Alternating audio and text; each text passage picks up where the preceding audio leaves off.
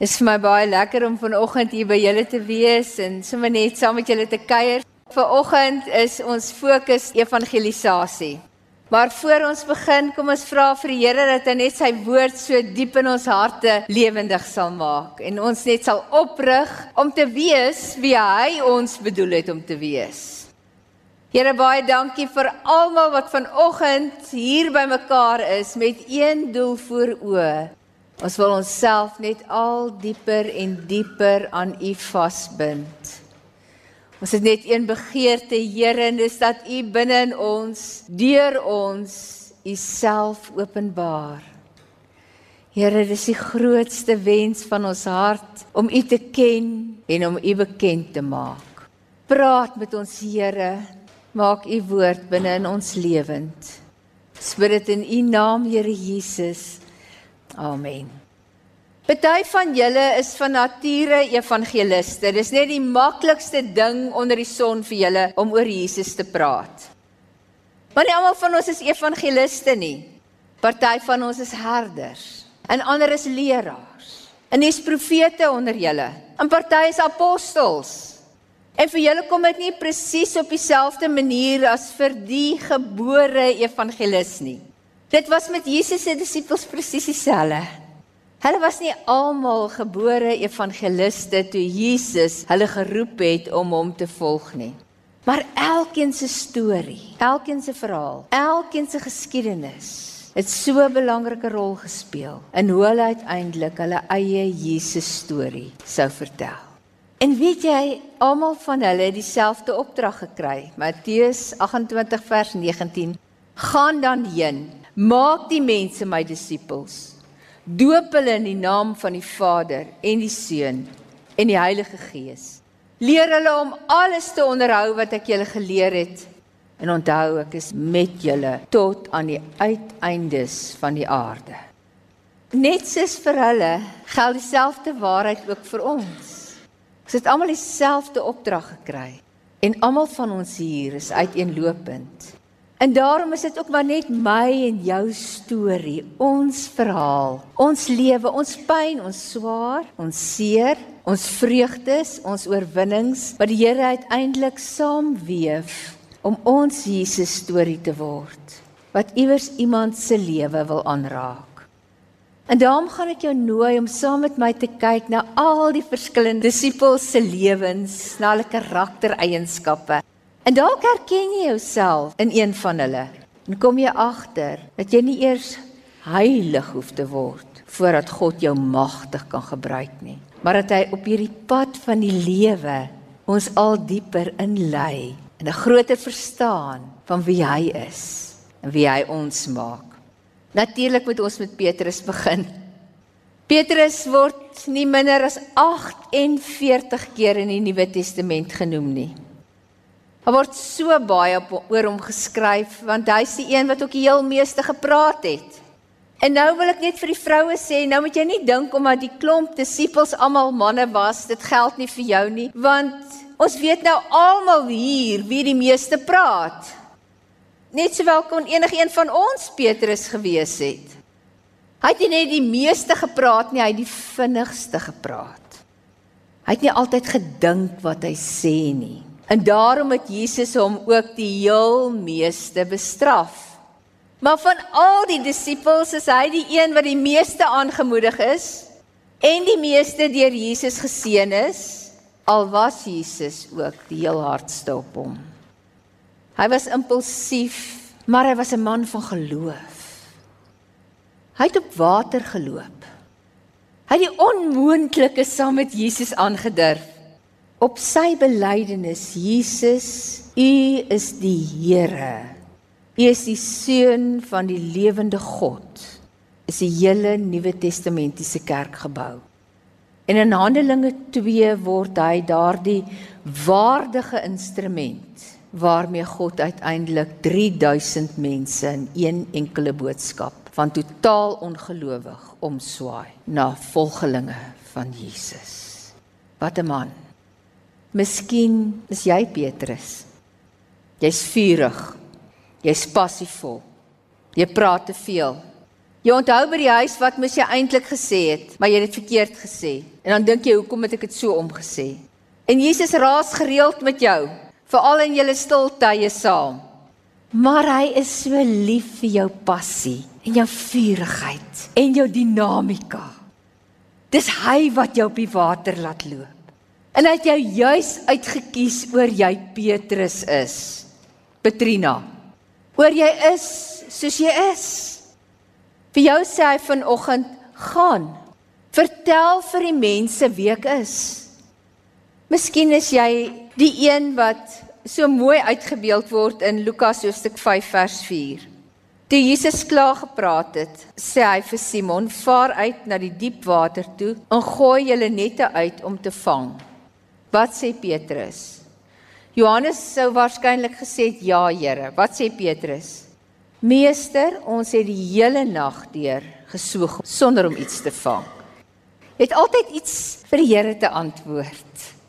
Wanneer hy vir jou opdrag gee, dan wil jy ook daarom iets by sê. Maar daar's diep in jou hart hierdie gehoorsaamheid, maar op u woord sal ek die nette uitgooi. Toe hulle dit doen, het hulle so groot klomp vis gevang dat hulle nette wou skeur. As jy hierdie Petrus figuur is in die disippelskapkring van al die mense wat hier in die omgewing woon, dan kan jy ook verwag dat die nette wat jy uitgooi oorlaai gaan wees van God se voorsiening. Hulle wink toe vir hulle maats in die ander skei om te kom help. Hulle het gekom, albei die skuite was so vol dat hulle amper gesink het. En nou sien jy Petrus se hart. Toe Simon Petrus dit sien, val hy voor Jesus se knieë neer en sê: "Gaan weg van my af, Here. Ek's 'n sondige mens." Hy's dadelik berouvol. Hy loop nie met 'n ding nie. Hy, hy maak dadelik reg met die Here. En toe sê Jesus vir Simon: "Moenie bang wees nie. Van nou af sal jy mense vang." En daar's nog net so 'n verhaal van hom wat net 'n bietjie later in 'n ander konteks afspeel. Jesus het reeds gesterf, hy het die dood opgestaan. Die disippels wag vir hom, hulle weet nie waar hy is nie en dan daag hy skielik op in Johannes hoofstuk 21. Toe dit al lig was, het Jesus daar op die strand gestaan. Die disippels het nie geweet dat dit hy is nie. Jesus vra toe vir hulle mense: "Het julle nie iets gevang om te eet nie?" Nee, antwoord hulle hom. Hy sê toe vir hulle: "Gooi die net aan die regterkant van die skei uit." Ek bedoel Petrus moes geweet het wie met hom praat. Dan sal julle iets kry. Hulle het die net net daar uitgegooi en vanweë die groot klomp vis kon hulle hom nie weer intrek nie. Maar is nie hy wat vir Jesus herken nie. Dis Johannes. Die disipel vir wie Jesus baie lief was sê toe vir Petrus: Dis die Here. Toe Simon Petrus dit hoor, het sy hemp aangetrek want sy boelhy was skaal en in die water gespring. Is jy ook so, jy's eerste om by die Here uit te kom. Eerste om jouself beskikbaar te stel. Eerste om sy wil te doen. Voor in die koor. Dan kan jy ook weet dat met al jou foute en al jou gebreke en al die verkeerde dinge wat jy sê, gaan die Here jou ook groot gebruik en diep seën. Gaan en vertel vir die mense wie Jesus is. Miskien is jy dalk Jakobus. Jakobus was die broer van Johannes. Hulle twee was seuns van Zebedeus. In Markus hoofstuk 3 vers 17 het Jesus vir hulle 'n bynaam gegee. Hy noem hulle Boanerges. Dit beteken manne van die donder. En as jy wonder waar hulle naam vandaan gekom. Daar's so 'n goeie voorbeeld opgeteken in Lukas hoofstuk 9 van vers 51 af. Toe die tyd nader kom dat Jesus in die hemel opgeneem sou word, het hy vasbeslote die reis na Jerusalem begin en hy het boodskappers voor hom uitgestuur. Hulle het vertrek en in 'n dorp van die Samaritane gekom om daar vir hom verblyf te reël. Nou die Jode en die Samaritane het nie om dieselfde vuur gesit nie. Dit was 'n hele godsdienstige, amper rassistiese ding tussen hulle. Die Jode het gedink hulle is beter as die Samaritane. Die Samaritane het gedink die Jode is mislei om te dink net Jerusalem is die plek waar God homself openbaar op Tempelberg en so daar was voortdurend konflik tussen hulle. Die inwoners wou Jesus nie ontvang nie omdat hy op pad was Jerusalem toe. Toe die twee disippels, Jakobus en Johannes dit hoor, sê hulle: "Here, wil U hê ons moet vuur uit die hemel afroep om hulle te verteer?" Maar Jesus het omgedraai en hulle skerp tereggewys. Hulle gesê julle weet nie van hoe danige gees julle is nie. Die seun van die mens het immers nie gekom om die lewens van mense te verdelg nie, maar te red. Miskien is jy ook 'n Jakobus. As daai taxi so voor jou inry, dan roep jy donder weer en blitse af. As daai elektroniese hek nie wil oopgaan nie en hy gaan so entjie oop en dan hak hy in. Dan praat jy nie mooi met die hek nie. En domme as strandtyd vat jy nie van mense nie. Herken jy jouself? Geliefde, baie keer dink ons my meer is so in die pad, die Here kan my nooit gebruik nie. Maar Here het juis vir Jakobus geroep van wie die vuur en die passie in hom. En natuurlik het die Here hom nie gelos soos hy was nie. Hy het juis aan hom gewerk. Hy het aan Johannes gewerk. Hy het hulle skerp tereggewys as hulle so aangegaan het. Hy gaan jou nie los waar jy is nie, maar intussen tyd is jy geroep net soos elkeen van die ander disippels. Ewe belangrik in God se koninkryk. En dis interessant dat juis Johannes, die apostel wat ons so anders leer ken in die evangelie van Johannes, dieselfde woorde gesê het as sy broer. Hulle het baie duidelik uit 'n ryk huishouding gekom. Ons lees in Markus hoofstuk 1 vers 20 dat hulle pa 'n boot gehad het met loonarbeiders. Dit was ongewoon in daardie tyd. Almal het maar hulle eie klein vissersbootjie gehad en in hulle eie behoeftes probeer voorsien. Maar dit lyk asof hulle nie net goed en wel afgeleef het nie, hulle het ook aansien in die gemeenskap gehad. Want dis Johannes wat toegang gehad het tot die hoofpriester se huis. En hy kon vir Petrus inbring die aand toe Jesus daar in die binneplein deur die hoofpriester verhoor is. Die binneplein was in die sentrum van die huis. So hy het toegang tot die totale huis van die hoofpriester gehad wat ook 'n baie spesiale posisie was wat hy bekleed het. En dit lyk asof hy ook die gerespekteerde een in die disippelskap kring was. Want is hy wat langs Jesus aangelê het in Johannes hoofstuk 13 toe hulle saam geëet het en Jesus die ete bedien het wat ons ken as die nagmaal. Hulle het mos so op hulle linkersye aangelê, die tafels was op die grond. Op hulle linkersy aangelê, so hulle het bors aan bors gelê. Jy het met jou kop by iemand anders se bors gelê. Jakobus was naby Jesus se mond sodat Petrus vir hom kon vra van wie praat die Here toe die Here na Judas Iskariot verwys het. En dis waarskynlik vanuit hierdie posisie waar hulle status gehad het op die aarde dat hulle vir die Here gevra het maar ons wil asseblief ook net 'n ereposisie in die hemel hê Here. En ons lees daarvan in Markus hoofstuk 10 vers 35. Jakobus en Johannes, die seuns van Zebedeus, kom toe na Jesus toe en sê vir hom: "Here, ons wil nou graag hê u moet vir ons doen wat ons vir u gaan vra." "Wat wil julle hê moet ek vir julle doen?" Het hy gevra. Hulle het geantwoord: "Wanneer u as koning heers, laat ons dan langs u sit, die een aan u regterhand en die ander een aan u linkerhand." En toe sê Jesus vir hulle: "Julle weet nie wat julle vra nie." kan julle die lydensbeker drink wat ek drink of met die doop gedoop word waarmee ek gedoop word en hoor die selfvertroue waarmee hulle geleef het ons kan sê hulle vir hom en daarop sê Jesus vir hulle die beker wat ek drink sal julle drink ja en met die doop waarmee ek gedoop word sal julle gedoop word maar om aan my regter en my linkerkant te sit daaroor besluit ek nie Dit is vir die vir wie God dit gereed gemaak het. Hulle was seker van hulle self, so oortuig dat die beste hulle toekom. En tog was Johannes die disipel wat beskryf is as die een vir wie die Here baie lief was. Geliefde, ons het baie keer sulke vooroordeele oor mense. Ons dink op bepaalde maniere oor mekaar. Wat die Here eintlik vir ons wys is wie jy is. En hy het jou miskien 'n bietjie hier op aarde bederf en vir jou die beste geleenthede gegee wat daar is. Maar weet jy wat? Hy gaan ook die moeilike goed vir jou vra. Toe Jesus daar aan die kruis hang, toe sit vir Johannes wat hy uitsonder en sê: Johannes, versorg my ma. Kyk na Maria. Daai goed wat die naaste aan God se hart is.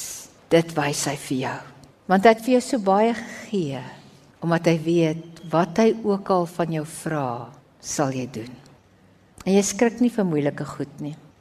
Moeilike goed skrik vir jou. Jy is een van Zebedeus se seuns. Boanerges.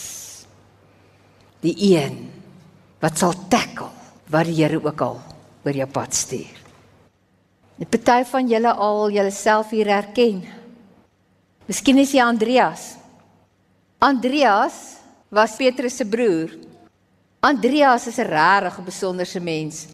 Hy was 'n volgeling van Johannes die Doper en het gestaan en luister terwyl Johannes die Doper besig is om 'n boodskap te bring. En die volgende oomblik sien Johannes vir Jesus aangestap kom en hy sê: Daar is die lam van God. In die oomblik toe Andreas dit hoor, toe weet hy waar moet hy eintlik wees. Hy wil wees waar Jesus is. En hy sê sy disippelskap op by Johannes die Doper en onmiddellik begin hy Jesus volg. Die buitengewone van Andreas is hy wag nie vir 'n uitnodiging nie. Hy wag nie tot Jesus 10 wonders gedoen het om te kyk of hy regtig die lam van God is nie. Oombliklik toe hy die woorde hoor, toe weet hy, hierdie is die Here.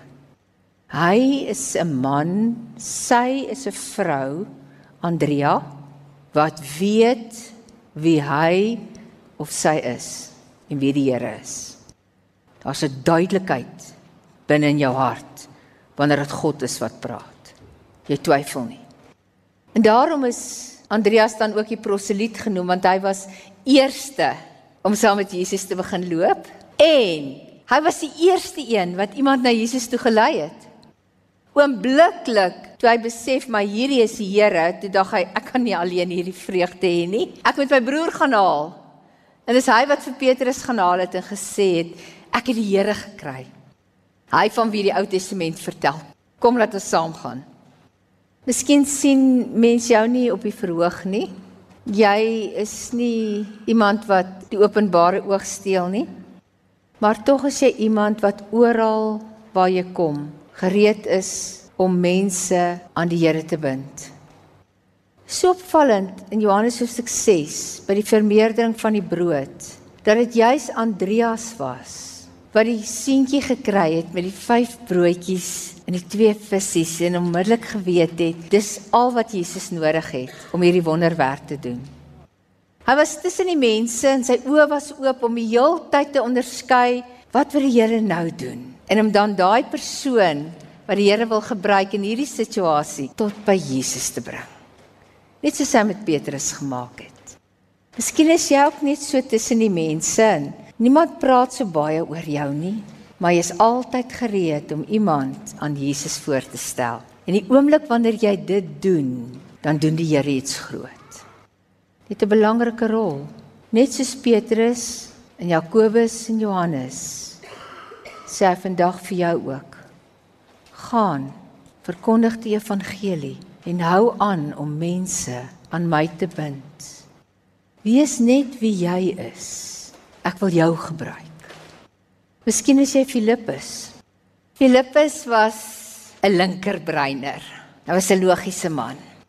Waarskynlik sou hy vandag 'n ingenieur gewees het wat dinge wil verstaan en verduidelik en wat onmiddellik wanneer hy in 'n situasie is sal sê maar wat is die feite hier agter? So hy vra altyd die moeilike vrae. En dit is dan ook tipies wat Filippus doen in Johannes hoofstuk 14. Jesus is besig om vir hulle te vertel van die Vaderreis en van die Vader en dan sê hy: "Here, wys ons asseblief die Vader." Maar is ook die een vir wie Jesus die moeilike vrae vra.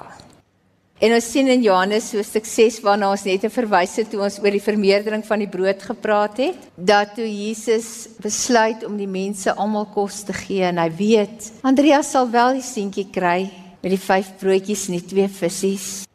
Hy moet net eers weer hierdie linkerbrein disipel van hom 'n bietjie uitdaag om nie net na feite te kyk nie, maar om te glo.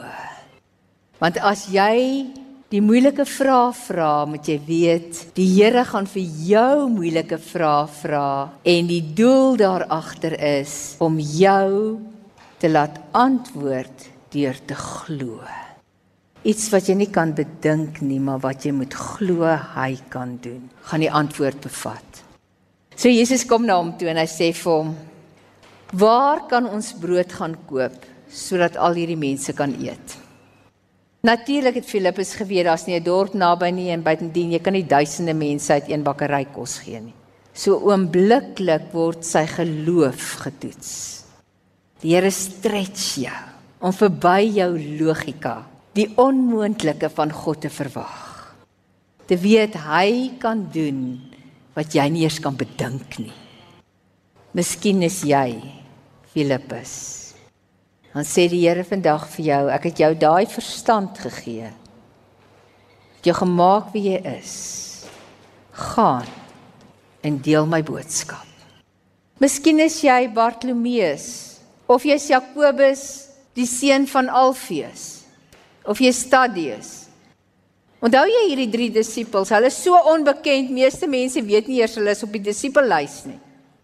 Nou word net twee keer na hulle in die Bybel verwys naamlik dat hulle 'n disipel van Jesus was en dat hulle teenwoordig was toe die Heilige Gees uitgestort is. Geliefde, al word daar niks anders van jou gesê nie en al word jy aan niks anders geken nie, dis al wat belangrik is. Een dat toe Jesus geroep het, het jy gesê ek sal U volg. Jy is bereid om jou hele lewe oor te gee aan die beheer van die Heilige Gees. Jy wil doen wat hy sê jy moet doen. Jy wil wees wie God jou geroep het om te wees. Jy laat Heilige Gees toe om jou karakter te omvorm, om jou menswees vol te maak van wie hy is. Dan sê die Here vandag vir jou, ek het jou geroep, nie net om my te volg nie, maar gaan en vertel vir mense wie ek is.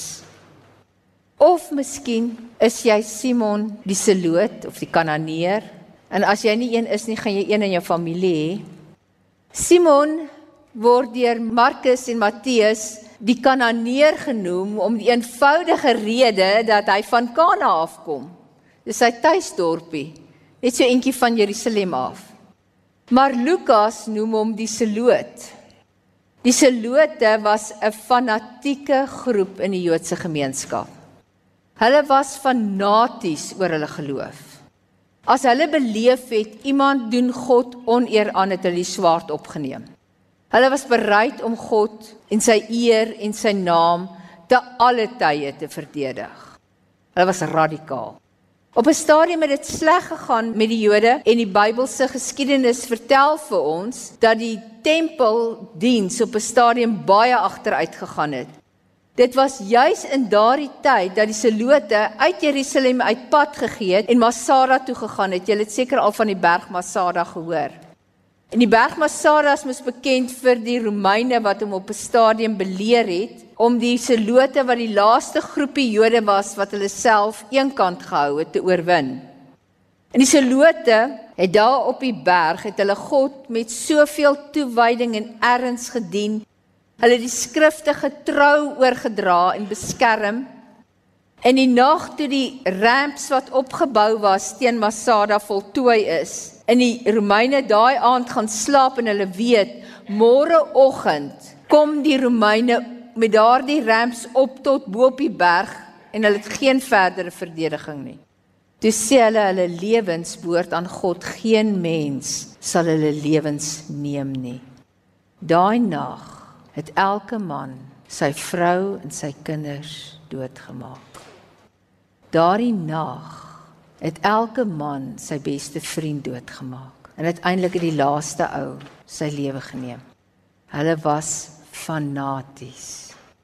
en hy's in Jesus se disippelskap geroep. En wat vir my wys hoe die Here se liefde binne in hom gestalte gekry het en hom verander het. Is die feit dat dit nie hy is wat die hoofpriester se slaaf se oor afgekap het nie. Dit was Petrus. Hy het met die swaard geleef, maar toe hy by Jesus was, het hy die swaard neergesit. En miskien is daar iemand wat jy ken en en almal voel dalk voel jy baie fanaties oor sekere goed. Dalk is jy fundamentalisties in jou sienings. Dalk is goed vir jou of spierwit of pikswart, daar's niks grys tussenin nie. Nes Simon die Seloot is daar 'n baie spesiale plek in God se koninkryk vir jou. En ook vir jou sê die Here vandag, gaan en vertel jou storie. 'n Storie van hoe ek jou hart met my liefde aangeraak het en bind mense aan my. Jou getuienis dra krag. Of dalk is jy Matteus. Matteus is die bewys dat die Here die mees korruptste en skelmste mens onder die son in sy koninkryk innooi. Die Jode het die tollenaars gehaat. Hulle wou niks van hulle af weet nie. Die tollenaars het ooreenkomste met die Romeinse ryk gesluit dat hulle sou 'n sekere bedrag per maand oorbetaal elke tolhuis te bedrag gehad wat hulle moes oorbetaal maar dit was die minimum bedrag wat hulle geïn het. Hulle kon net soveel vra as hulle wou. Daar was geen reël daaroor nie. So die tollenaars het almal meer gevra as wat hulle mag gevra het of hoef te gevra het en hulle self verryk, absoluut verryk. Hulle was skelm. En as gevolg daarvan, veral as daar Joodse tollenaars was, kon die Jode hulle nie verdra nie. En Matteus was so 'n Joodse tollenaar toe Jesus by sy tolhuis gaan stil staan. En jy's vir hom roep. Miskien het jy 'n verlede. Dalk is daar iets wat jy nog nooit vir enige iemand vertel het, waarvoor jy jouself dalk al jare verwyd. Iets waaroor jy nie oorwinning kry nie. Geliefde, toe die Fariseërs en die Sadduseërs vir Jesus aankla en vir hom sê: "U kuier, u spandeer tyd saam met sondaars en tollenaars." Toe antwoord Jesus hulle in Matteus hoofstuk 9: Ek vra barmhartigheid, nie offers nie. Ek het nie gekom om mense te roep wat op die regte pad is nie, want hulle sla daar. Ek het gekom om sondaars te roep. Dan sê die Here vandag vir jou, as dit vir jou voel of jy nog 'n offer moet bring, nog 'n keer om vergifnis moet vra, nog 'n keer jouself moet verwyd, hou vandag daarmee op. Ek het die offer gebring sodat jy nie meer 'n offer hoef te bring nie. Moenie langer aan iets dra wat ek reeds aan die kruis gedra het nie. Kom net in. Ek wil jou lewe gebruik, jou getuienis om mense aan my te bind. Gaan, verkondig die evangelie. Ek het jou uitgekies.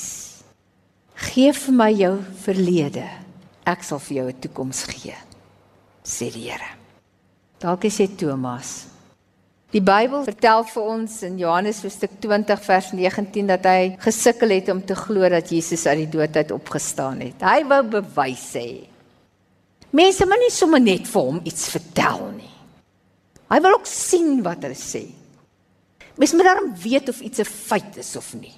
En nou sê almal Jesus het opgestaan, maar niemand het hom nog gesien waar hy teenwoordig was nie. Maar is so 'n verskraling van wie Thomas regtig was. Hy was soveel meer as ongelowige Thomas. Hy was onbeskryflik lojaal aan Jesus. Op 'n stadium wou Jesus deur 'n area beweeg waar die mense van tevore probeer het om hom dood te maak. Martha en Maria het hom laat roep om Betanië toe te kom want Lazarus is oorlede en hulle wil hê Jesus moet sin toe kom. En nou weet Thomas, hulle gaan nou weer op dieselfde pad loop waar die ouens van tevore probeer het om Jesus dood te maak. Hoor sy woorde. Hy gaan na die ander disippels toe in Johannes 11 en hy sê vir hulle: "Kom ons gaan ook sodat ons saam met hom kan sterf." Sy lewe nie so lief gehad dat hy nie bereid was om vir Jesus te sterf nie. Hy het in sy hart 'n besluit geneem, hy gee sy hele lewe vir die Here. Hy gaan al die pad saam met Jesus. En toe Jesus nou vir hulle verduidelik van hy gaan nou na die Vaderhuis en hy gaan nou plek maak vir hulle en hy gaan vir hulle 'n spesiale plek voorberei en dan gaan hy kom om hulle te kom haal. Toe besluit Thomas hy gaan nie wag tot Jesus kom nie. Hy gaan sommer nou al saam. Jesus moet net vir hom sê hoe lyk die pad soontoe. Here, ons weet nie waar hy gaan nie. Hoe kan ons die weg daarheen ken? Hy gaan Jesus nêrens alleen los nie. Hy gaan al die pad saam. Dis Thomas. En miskien het jy ook hierdie ding, dis vir jou partymal moeilik om goed te glo want party goed is so far-fetched.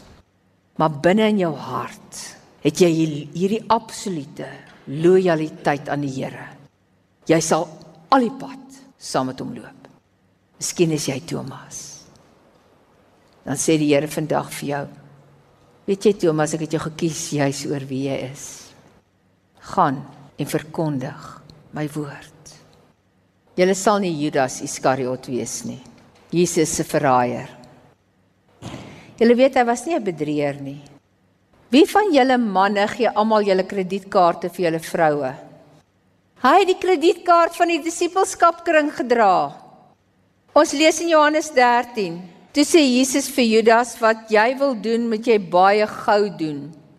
Niemand van die ander wat aan tafel was het geweet waarom Jesus dit vir hom gesê het nie. Omdat Judas die beursie gehad het, het party van hulle gedink dat Jesus vir hom sê: "Gaan koop wat ons vir die Paasfees nodig het of dat hy iets vir die armes moet gaan gee." Mens gee jou beursie vir die betroubaarste persoon in die groep. So in sy hart moes almal hom tog geken het as 'n man wat diep in sy menswees betroubaar is. En tog was dit juis hy wat vir die duiwel se plan geval het. Was dit juis hy wat deur die owerhede mislei is? Was dit hy wat die meester verraai het? Geliefde, niemand van ons so sterk in eie krag dat ons tot die einde sal volhard as God ons nie help. Onthou hoe afhanklik jy van God is. Moenie hierdie pad saam met die Here in eie krag probeer loop nie. Hou al die pad aan Jesus vas. Luister na Heilige Gees. Moenie toelaat dat die duiwel of mense jou oortuig om iets te doen waaroor jy nie vrede het nie. Beweeg net saam met Jesus. Hy het ook die opdrag gekry. Hy sou dit nooit uitvoer nie. Iewers in die disippelskap kring is jou plekkie. Soos jy geroep om met jou storie, jou geskiedenis, jou diepste pyn, krag van God op aarde sigbaar te laat word. Jou woorde, jou stem, jou Jesus storie maak al die verskil. Die Here sê vandag vir jou: Gaan, verkondig die evangelie. Vertel die mense wie ek is. En weet dit, ek is met jou al die pad tot by die eindes van die aarde. Wil jy vra as jy in jou hart oortuig is dat dat die Here jou Here is, dan weet jy ook vandag dat hy jou roep. As jy dan ook weet dat hy jou roep, dan weet jy ook dat hy jou toerus om jou Jesus storie met ander te deel, sommer net in jou eie woorde. Dan wil ek jou vra om saam met my te staan, want ek wil vir jou bid. Here, ek gee U my lewe. Gebruik my. Ek wil getuig van U dade, U goedheid en U liefde. Sal U mense aan U bind deur my getuienis. Geliefde, ek seën jou in die naam van God ons Vader Ek seën jou in die naam van Jesus Christus, die opgestane Here. Ek seën jou in die naam van Heilige Gees, die drie-enige God. Salf en seën jou vir hierdie heerlike opdrag om God aan mense bekend te maak. Wees geseënd waar jy gaan tot aan die eindes van die aarde. Amen.